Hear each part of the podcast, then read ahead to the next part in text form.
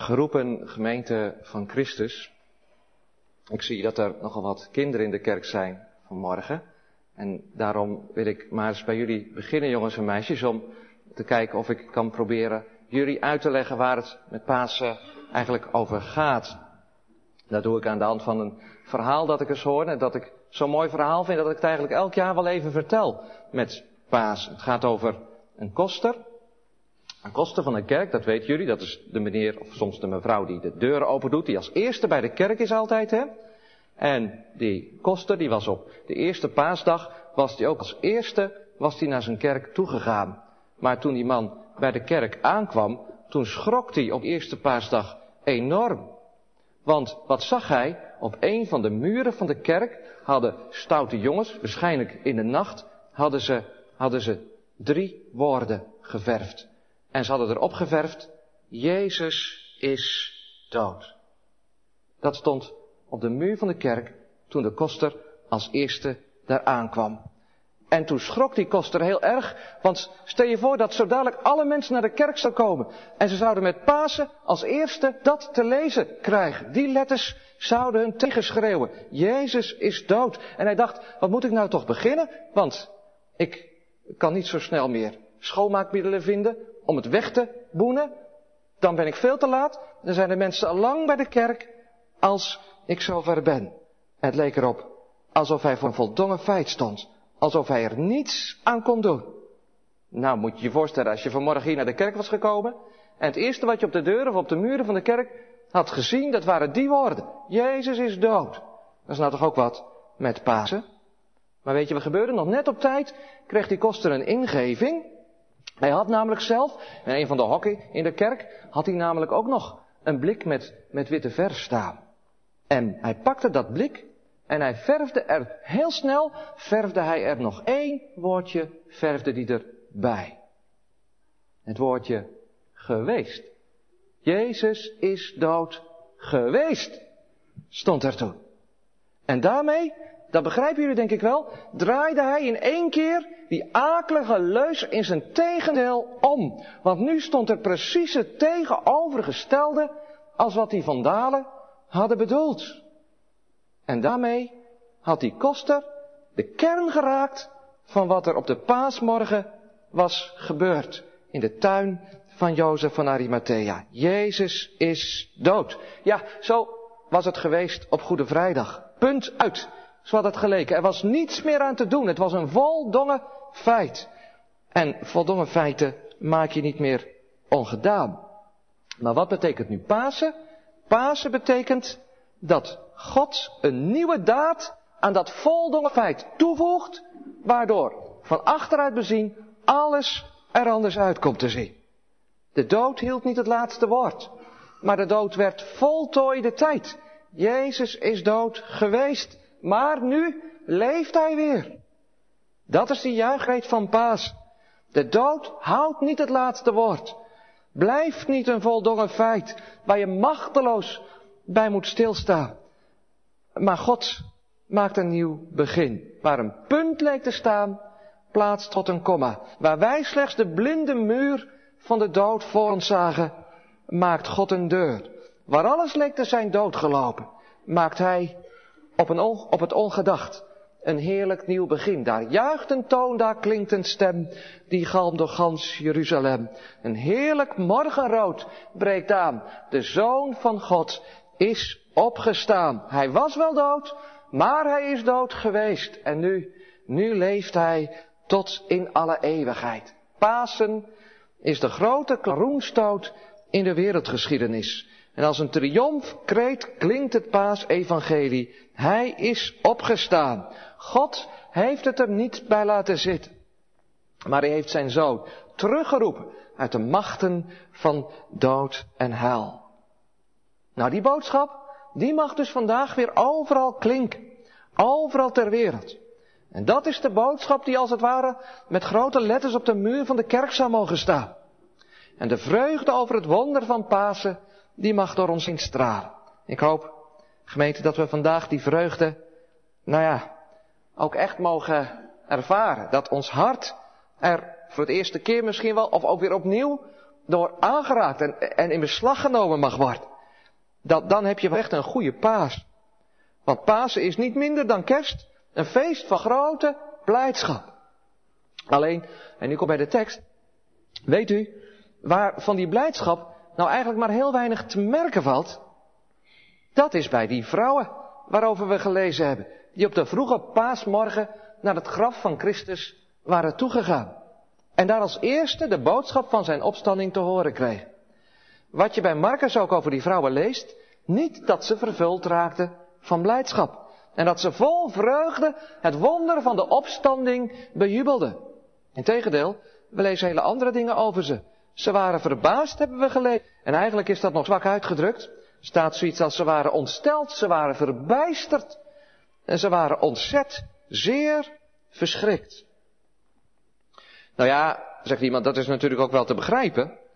Eh, dat kwam natuurlijk door die engel die ze daar zagen bij dat graf of in dat graf. Een engel zie je ook niet elke dag. Daar moesten ze natuurlijk wel even aan wennen. Zo'n plotselinge verschijning. Vandaar ook dat die engel begint in onze tekst met een geruste sterren niet waar. Wees niet verbaasd, zegt die engel. Ja, dat zeggen engelen in de Bijbel meestal. Als ze mensen ontmoeten, dat is het eerste wat ze wel moeten zeggen. Want anders zou je niet weten waar je, wat je moet doen van schrik en ontzetting. Engelen beginnen altijd met de schrik over een verschijning weg te nemen. Vrees niet, wees niet bang, wees niet verbaasd. Alleen, het vallende is dus dat niet zoveel helpt wat die engel zegt. Want als de engel die vrouwen uit de doeken heeft gedaan, wat er aan de hand is, dat hun Heer en Meester is opgewekt uit de dood. Ja, je zou zeggen, dan raken ze toch zeker wel vervuld van blijdschap. Dan zijn ze toch zeker de koning te rijk van pure vreugde. Maar nee. Ook dan lezen we daar nog niets over. Het lijkt wel alsof die geruststellende woorden van de engel helemaal niks helpen. Sterker nog, het wordt alleen maar erger met die vrouw. Moet u maar kijken hoe Marcus zijn relaas over de vrouw beëindigt in het achtste vers. En zij, haastig uitgaande, vloden van graf. En beving en ontzetting had hen bevangen. En ze zeiden niemand iets, want ze waren bevreesd. Daar eindigt het mee. Het is dus alleen nog maar erger geworden met die vrouwen. We van beving, van ontzetting, van vrees. Ze trillen als een rietje. En ze kunnen maar aan één ding denken. Weg als een speer. Weg bij dat graf. Ze vloden van het graf. Zo verbaasd en ontzet waren ze. Uit pure angst rennen ze erbij vandaan. Op die eerste paasmorgen juicht en galmt er nog helemaal niks door gans Jeruzalem. Er schiet alleen maar een schichtig groepje vrouwen, angstig door de straten van de stad. Kan dat nou? Waren vrouwen dan niet, niet blij en verheugd over het feit dat hun meester niet in de dood gebleven was, maar dat hij dood was geweest en dat hij weer levend was geworden? Dat was toch het allerbeste nieuws wat hen had kunnen overkomen. Dat ze met een levende heiland te maken hadden. Waarom zijn ze dan niet blij? Nou gemeente, laat ons even in een situatie verplaatsen. Zouden wij, u en ik, het onmiddellijk geloofd hebben? Als we in hun schoenen hadden gestaan, stelt u zich het eens voor. Ja, het is, het is nauwelijks voor te stellen. Maar laten we het maar eens even proberen vanmorgen. Dat zoiets in ons leven zou gebeuren. Stel er is iemand in uw kennis of familiekring overleden. Een heel bijzonder iemand, dat wel. Een unieke persoonlijkheid. Maar u bent er zelf getuige van geweest dat hij of zij de laatste adem uitblies. U was erbij, net zoals deze vrouwen erbij waren geweest op Goede Vrijdag bij het kruis. U bent ook op de begrafenis geweest. U hebt afscheid genomen. U bent er getuige van geweest dat zijn of haar lichaam ter aarde werd besteld. En een paar dagen later krijgt u het bericht horen dat de betrokkenen op wonderlijke wijze niet meer in zijn graf is, maar weer is gaan leven. Dat hij is opgestaan. Zou u dat nou zomaar geloven? Met vreugde? Laten we maar eerlijk zijn, zoiets gaat er bij ons zomaar niet in. We zouden onmiddellijk gaan zoeken naar een andere verklaring. Want, nou ja, dat kan toch eenvoudig niet in onze wereld. Er is toch geen weg terug meer uit de dood. Ik herinner me nog goed dat iemand me ooit vertelde Hoe, hoe, hoe hij zich levendig kon herinneren wat voor een schok het voor hem was geweest toen hij als kind dat voor het eerst ontdekte. Hij vertelde me dat er een buurman in zijn straat was. En, en die buurman die was ernstig ziek geworden. En, en nou had zijn moeder tegen hem gezegd, laten we maar veel voor de buurman bidden. Dat, dat hij weer beter mag worden. Nou, dat had dat jongetje gedaan. Vol overgave. Maar op een dag was zijn buurman toch overleden. En dat jongetje dat had gemerkt dat zijn moeder daar ontzettend verdrietig over was. En, en, en, toen had hij tegen zijn moeder gezegd, maar mama, dat hoeft toch helemaal niet. Want dan kunnen we toch gewoon bidden of de Heer de buurman weer levend wil maken. Laat jochie kennen de verhalen uit de Bijbel. Waarin doden weer opgewekt worden. En hij dacht, nou ja, dat kan de Heer toch nu ook. Kunnen we dan toch voor bidden? Maar toen zei zijn moeder, nee, nee. En terecht zeggen we dan. Als iemand eenmaal overleden is, dan moet je ophouden met bidden. Net zoals David ophield met bidden toen het doodzieke kindje van hem en Bathseba eenmaal overleden was. Want er is geen weg meer terug uit de dood. En het is dan ook niet gepast om daarom te blijven bidden. Ik kan me heel goed voorstellen, gemeente, ik denk u ook wel, dat dat voor zo'n kind een schok was. Hoe vaak staan we ook als volwassenen niet oog in oog met de bittere werkelijkheid van de dood. Niets in het leven is zo definitief en zo zeker als dat. We moeten ons er eenvoudig bij neerleggen, figuurlijk en uiteindelijk ook letterlijk. Zo is het toch altijd al geweest? Als het een geliefde betreft, dan kan ons dat bij tijden zelfs radeloos maken. Dat er nu helemaal geen weg terug is uit de dood, dat alles voorbij is. En nu komen die vrouwen hier bij het graf. Ze zien die jongeling zitten en die zegt en zal maar eventjes dat Jezus niet meer dood is, maar leeft. Is het dan vreemd dat ze verbaasd staan en dat dat nog zacht is uitgedrukt? Het is toch ook ongelooflijk wat ze te horen krijgen? Gemeente, die vrees en ontzetting van die vrouwen, dat die niet in twee tellen verdwenen is. Wat heeft ons dat te zeggen? Zou het niet dit zijn? Dat de opstanding van Christus een ontzagwekkend gebeuren is en blijft. Dat het nooit vanzelfsprekend wordt. Wij kunnen soms zo ontzettend, zelfs aan de grootste dingen wennen, dat alle verbazing en emotie wegvalt. Natuurlijk is Christus opgestaan uit de dood, zeggen we dan. We zijn toch zeker niet vrijzinnig, wat krijgen we nou? Ja, maar natuurlijk is het nou net helemaal niet geen. Want het kan volgens de natuur helemaal niet. En als je bij je verstand te raden gaat, wat we allemaal gewoon zijn te doen, dan loop je ook helemaal vast met paas. Ik geef die vrouw een groot gelijk. Want het is schokkend en onbegrijpelijk wat ze hier te horen krijgen. Het tart heel ons voorstellingsvermogen. O laat de vrees van deze vrouwen ons er dan toch toe brengen om de geweldige schok van de paasboodschap te ervaren. En laten we toch beseffen dat de opstanding van Christus, ja, geen vanzelfsprekendheid is, maar een onzagwekkend wonder van Gods wee.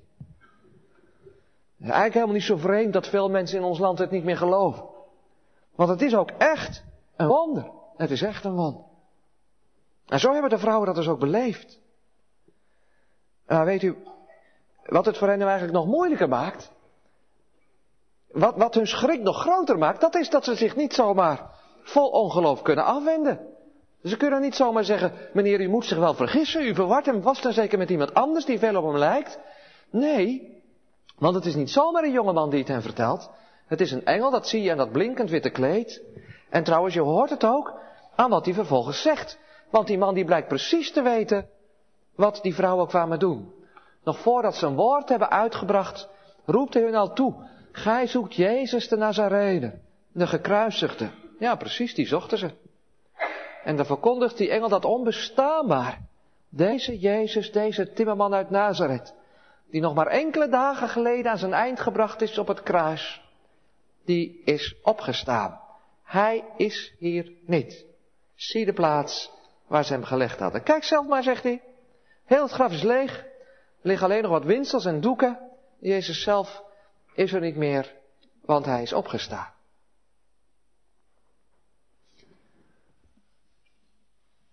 Hoe is dat dan eigenlijk gegaan, gemeente? Ja, dat zouden we eigenlijk wel heel graag willen weten, hè?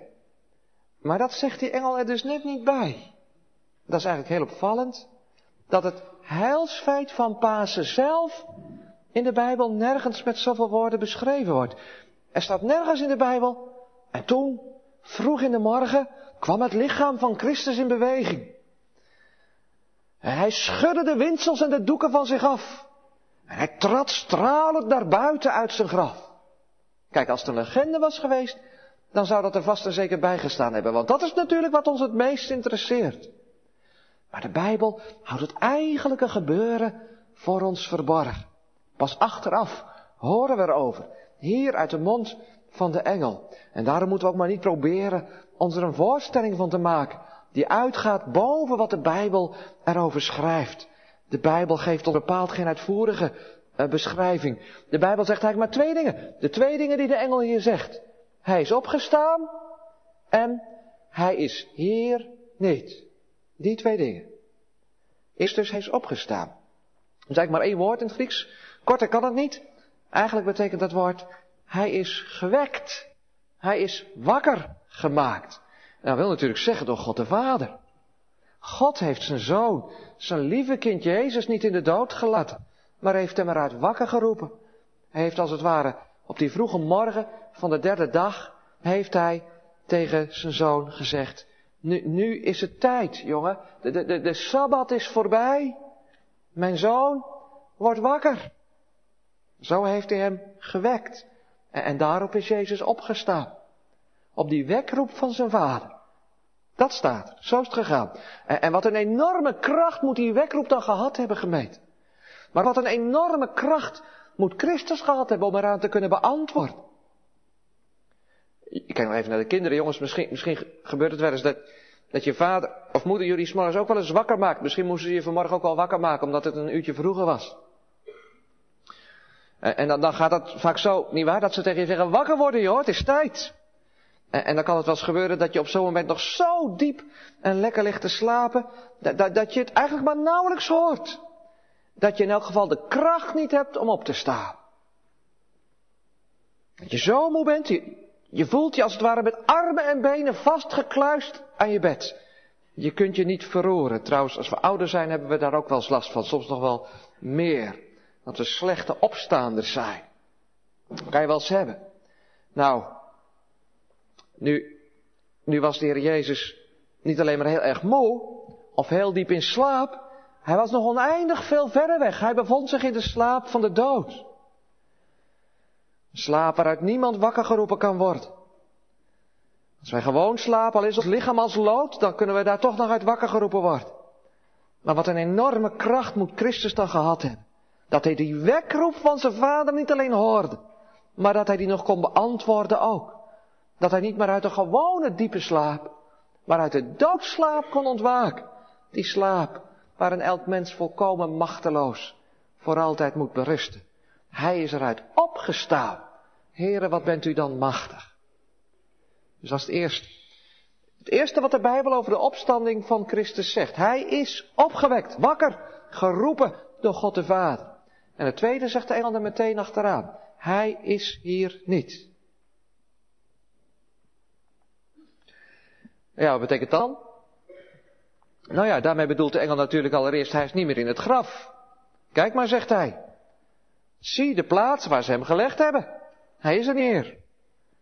Maar die woorden rijken meteen nog verder. Want Christus is niet meer hier, dat wil ook zeggen, hij is niet meer aan deze kant van het graf.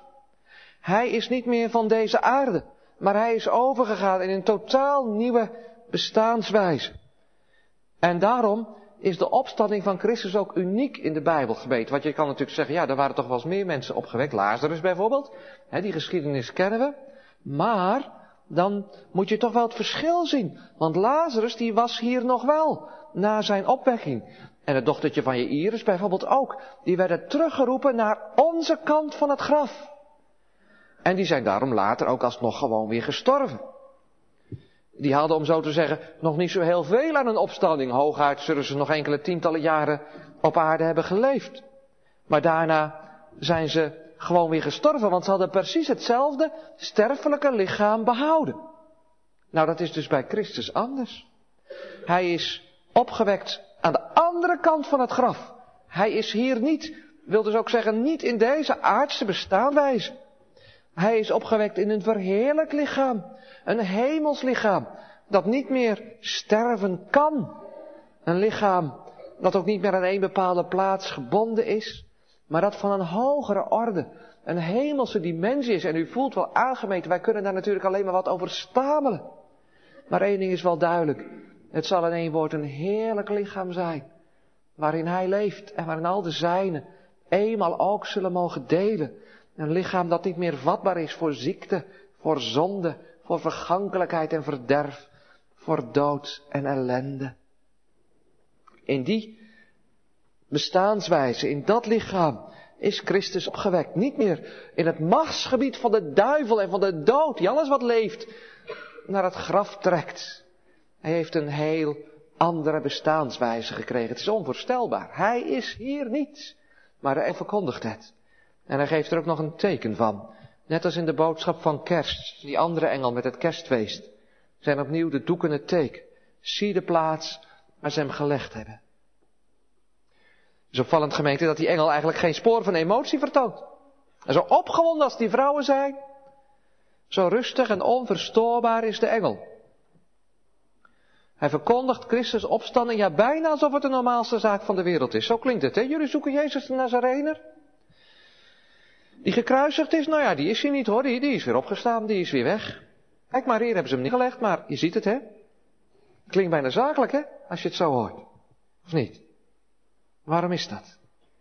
Nou ja, dat is omdat de boodschap van Pasen behalve onzagwekkend ten diepste ook heel nuchter en zakelijk is. De opstanding is een feit, een onweerlegbaar, historisch feit. Kijk maar, zegt de engel. Onvoorstelbaar, zeiden we net, maar tegelijkertijd onweerlegbaar. Kijk zelf maar, zegt hij. Dat was dus meteen toen al het geval. Dat het een feit was. En dat je het, nou ja, kon nagaan. En dat is het toch vandaag nog altijd. De kerk loopt met Pasen niet maar een beetje met het hoofd in de wolken. Nee, ze staat met beide benen op de grond. En juist het feit dat het onvoorstelbare tegelijkertijd onweerlegbaar is, dat geeft grond onder de voeten.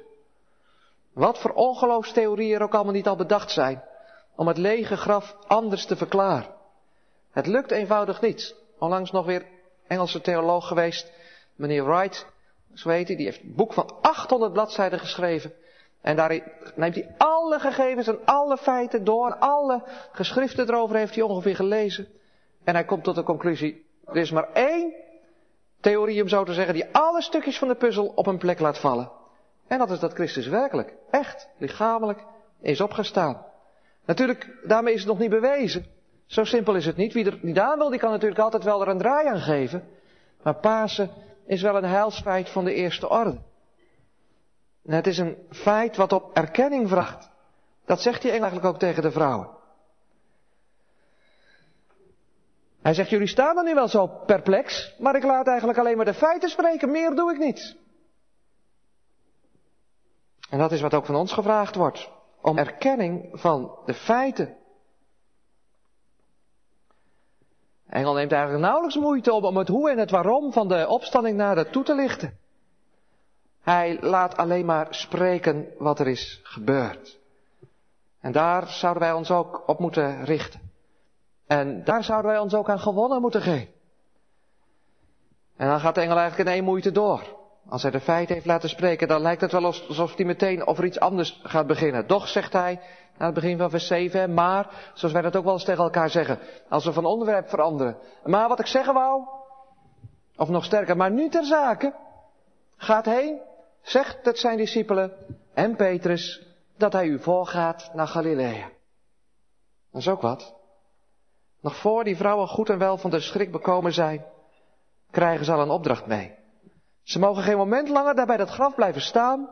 Ze worden onmiddellijk door de engel ingeschakeld. Ze moeten de boodschap van de opstanding verder vertellen. En dat terwijl ze het zelf nog maar half en half begrijpen. Ze zijn er erover rompeld. Hoe moeten zij het nu doorgeven? Je zou zeggen dat die Engelsen dat toevertrouwt. Stel dat ze zich eens zouden vergissen. Dat ze in de war zouden raken. Of dat ze eenvoudig geen woord uit de keel kunnen krijgen. Stel dat het zo gebleven was als waar Marcus mee eindigt. En ze zeiden niemand iets. Ja, dan was er ook verder niemand meer naar het graf gaan kijken. Had iedereen gedacht dat, dat Christus daar was blijven liggen. Hangt Pasen hier niet aan een zijde draad? Gemeente, wat zullen we daarvan zeggen? Zo werkt de Heere God toch altijd. Hij gebruikt altijd kleine mensjes. Die het zelf ook vaak allemaal niet doorzien en begrijpen. Die er zoveel moeite mee hebben om de feiten te laten spreken. En die zelf ook zo vaak in de war zit over allerlei dingen. En vooral over zichzelf. Maar die tegelijkertijd wel overrompeld zijn. Door de Heere en door zijn heil. Zulke mensen gebruikt hij nog het liefst om zijn woord door te geven. Hij verpakt de schat van het evangelie in aarden vaat, breekbaar en broos. Zo is het begonnen bij deze vrouwen en zo gaat het nog altijd door. In de opvoeding gebruikt de hele gewone, broze kleine mensjes in de zending en overal. God vraagt geen mensen die alles tot op de bodem doorgronden. Hij vraagt helemaal geen eigenwijze mensen die alles beter weten dan een ander. Hij vraagt slechts, mensen die zelf iets ervaren hebben van de kracht van Christus opstanding in hun eigen leven. En die daar stamelend iets over kunnen vertellen. Nou, dat geldt voor deze vrouw in elk geval wel. Zij staan hier helemaal aan het begin van de zendingsketen. Die als een stroomdraad door de wereldgeschiedenis heen gelopen. Gaat heen, zegt het zijn discipelen. En die discipelen zullen het naar Pinksteren weer verder vertellen. En zo is het vanaf deze morgen eigenlijk als een lopend vuurtje door de wereld gegaan. Ik zeg het allen dat hij leeft. De kracht van de opstanding zet zich onweerstaanbaar door. Als je het niet wilt geloven omdat het een feit is, ja, dan moet je het soms wel geloven wanneer je hem ontmoet. Wanneer je het gewoon merkt dat Christus de levende is. Zoals Paulus, die er ook niks van wilde weten, het op een dag merkte. Doordat Christus zelf hem ontmoette. Zegt het zijn discipelen dat hij u voorgaat. Zegt het zijn discipelen. En, wat staat er dan? Hebt u het gelezen? En Petrus. Waarom staat dat er dan apart bij? Petrus was toch ook een discipel, zegt iemand. Die hoefde toch eigenlijk niet genoemd te worden. Hier nog weer een keer apart. Ja, was dat zo? Was Petrus een discipel? Wat had hij daar ook alweer zelf van gezegd? Nog maar enkele dagen geleden? Mens, ik weet niet wat je zegt. Ik ken die Jezus van Nazareth niet eens. Laat staan dat ik een discipel van hem ben. Voelt u het? Het was nog helemaal niet zo duidelijk dat Petrus ook een discipel was. Door zijn verloochening had Petrus zichzelf erbuiten geplaatst. Hij was eigenlijk discipel af geworden en de heiland had hem aangezien met zo'n smartelijke blik dat Petrus niet anders kon denken dan dat het voorbij was, voorgoed. Ik heb de verhouding met mijn meester definitief verbroken. Voor wie is het Pasen geworden gebed? Want dat kan natuurlijk allemaal heel mooi zijn. Maar voor wie is het na Pasen geworden?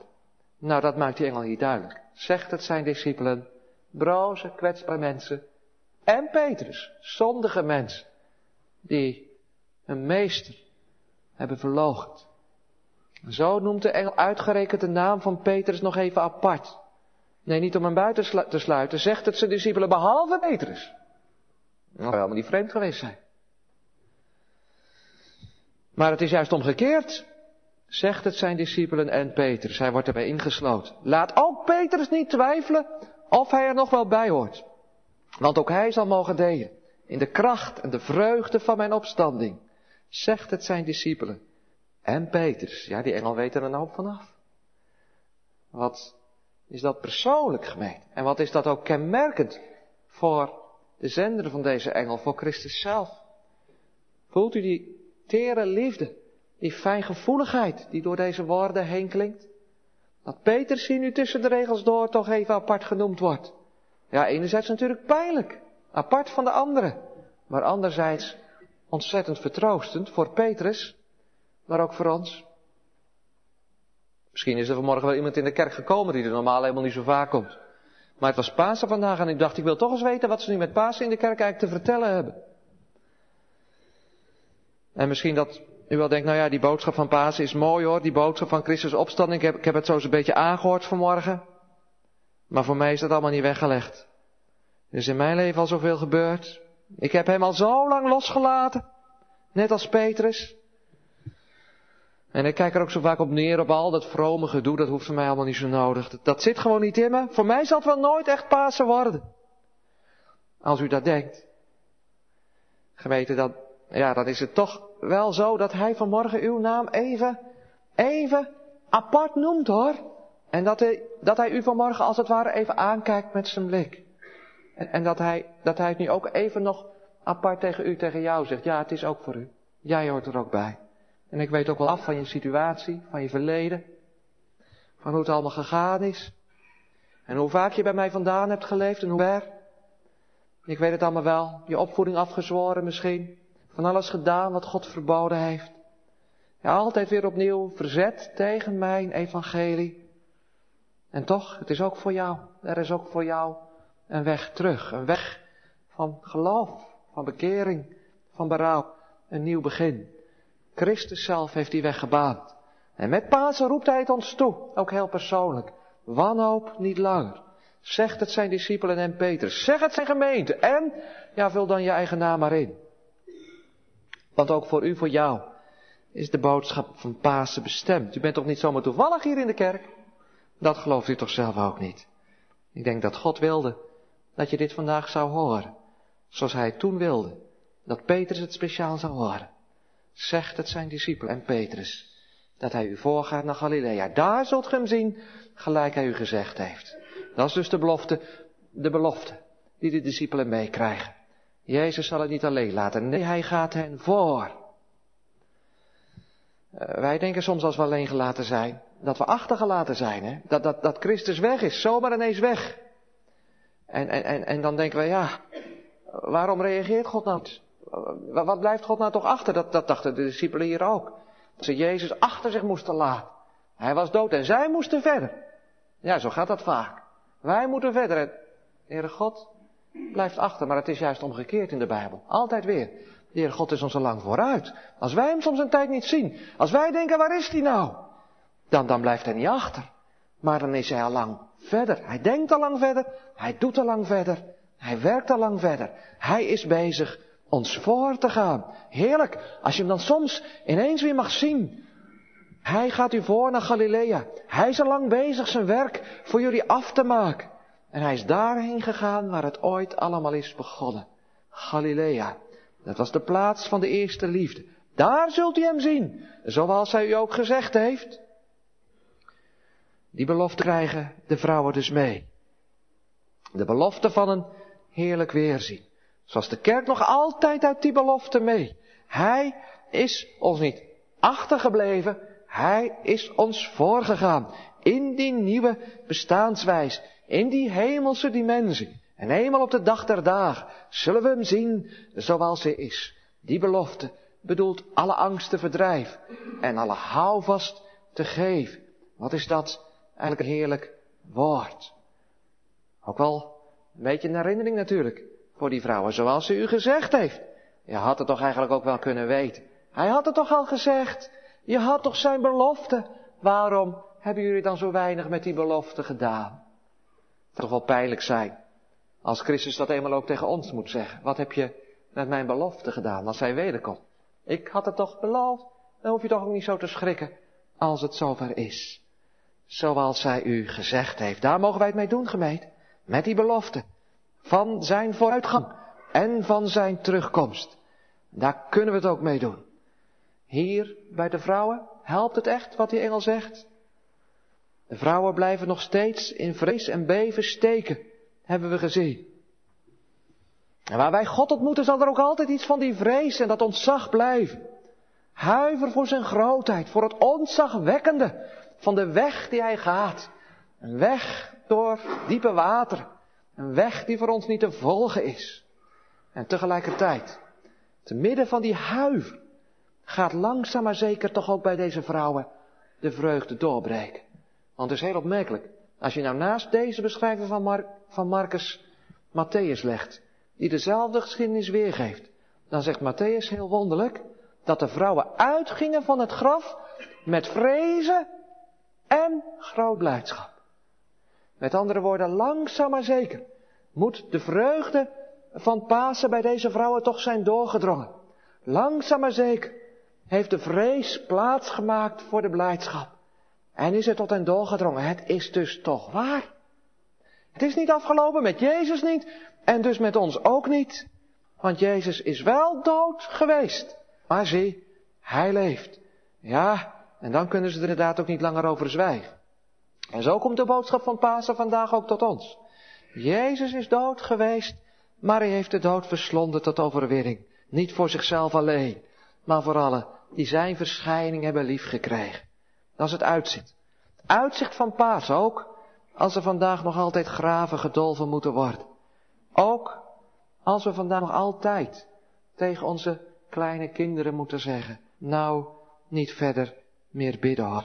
Dan mogen we er toch iets bij zeggen. Wie in Christus gelooft. Is de dood het einde niet? En is de dood uiteindelijk ook het ergste niet? Want eenmaal zal hij alle dingen nieuw maken. Ook onze dode lichamen. Zoals God zijn heilig kind Jezus heeft wakker geroepen uit de dood. Zo zal hij straks op die dag de gordijnen van de dood opzij schuiven. En al zijn kinderen wakker roepen. Wat zal dat zijn geweest? Berend, Thomas, Ali, Petra, wakker worden, opstaan. Het is tijd. Tijd om losgemaakt te worden van het lichaam van de zonde en de dood en het verderf. En voor eeuwig de levensvorst van Paas te loven en te prijzen met diep ontzag en eeuwige vreugde. Amen.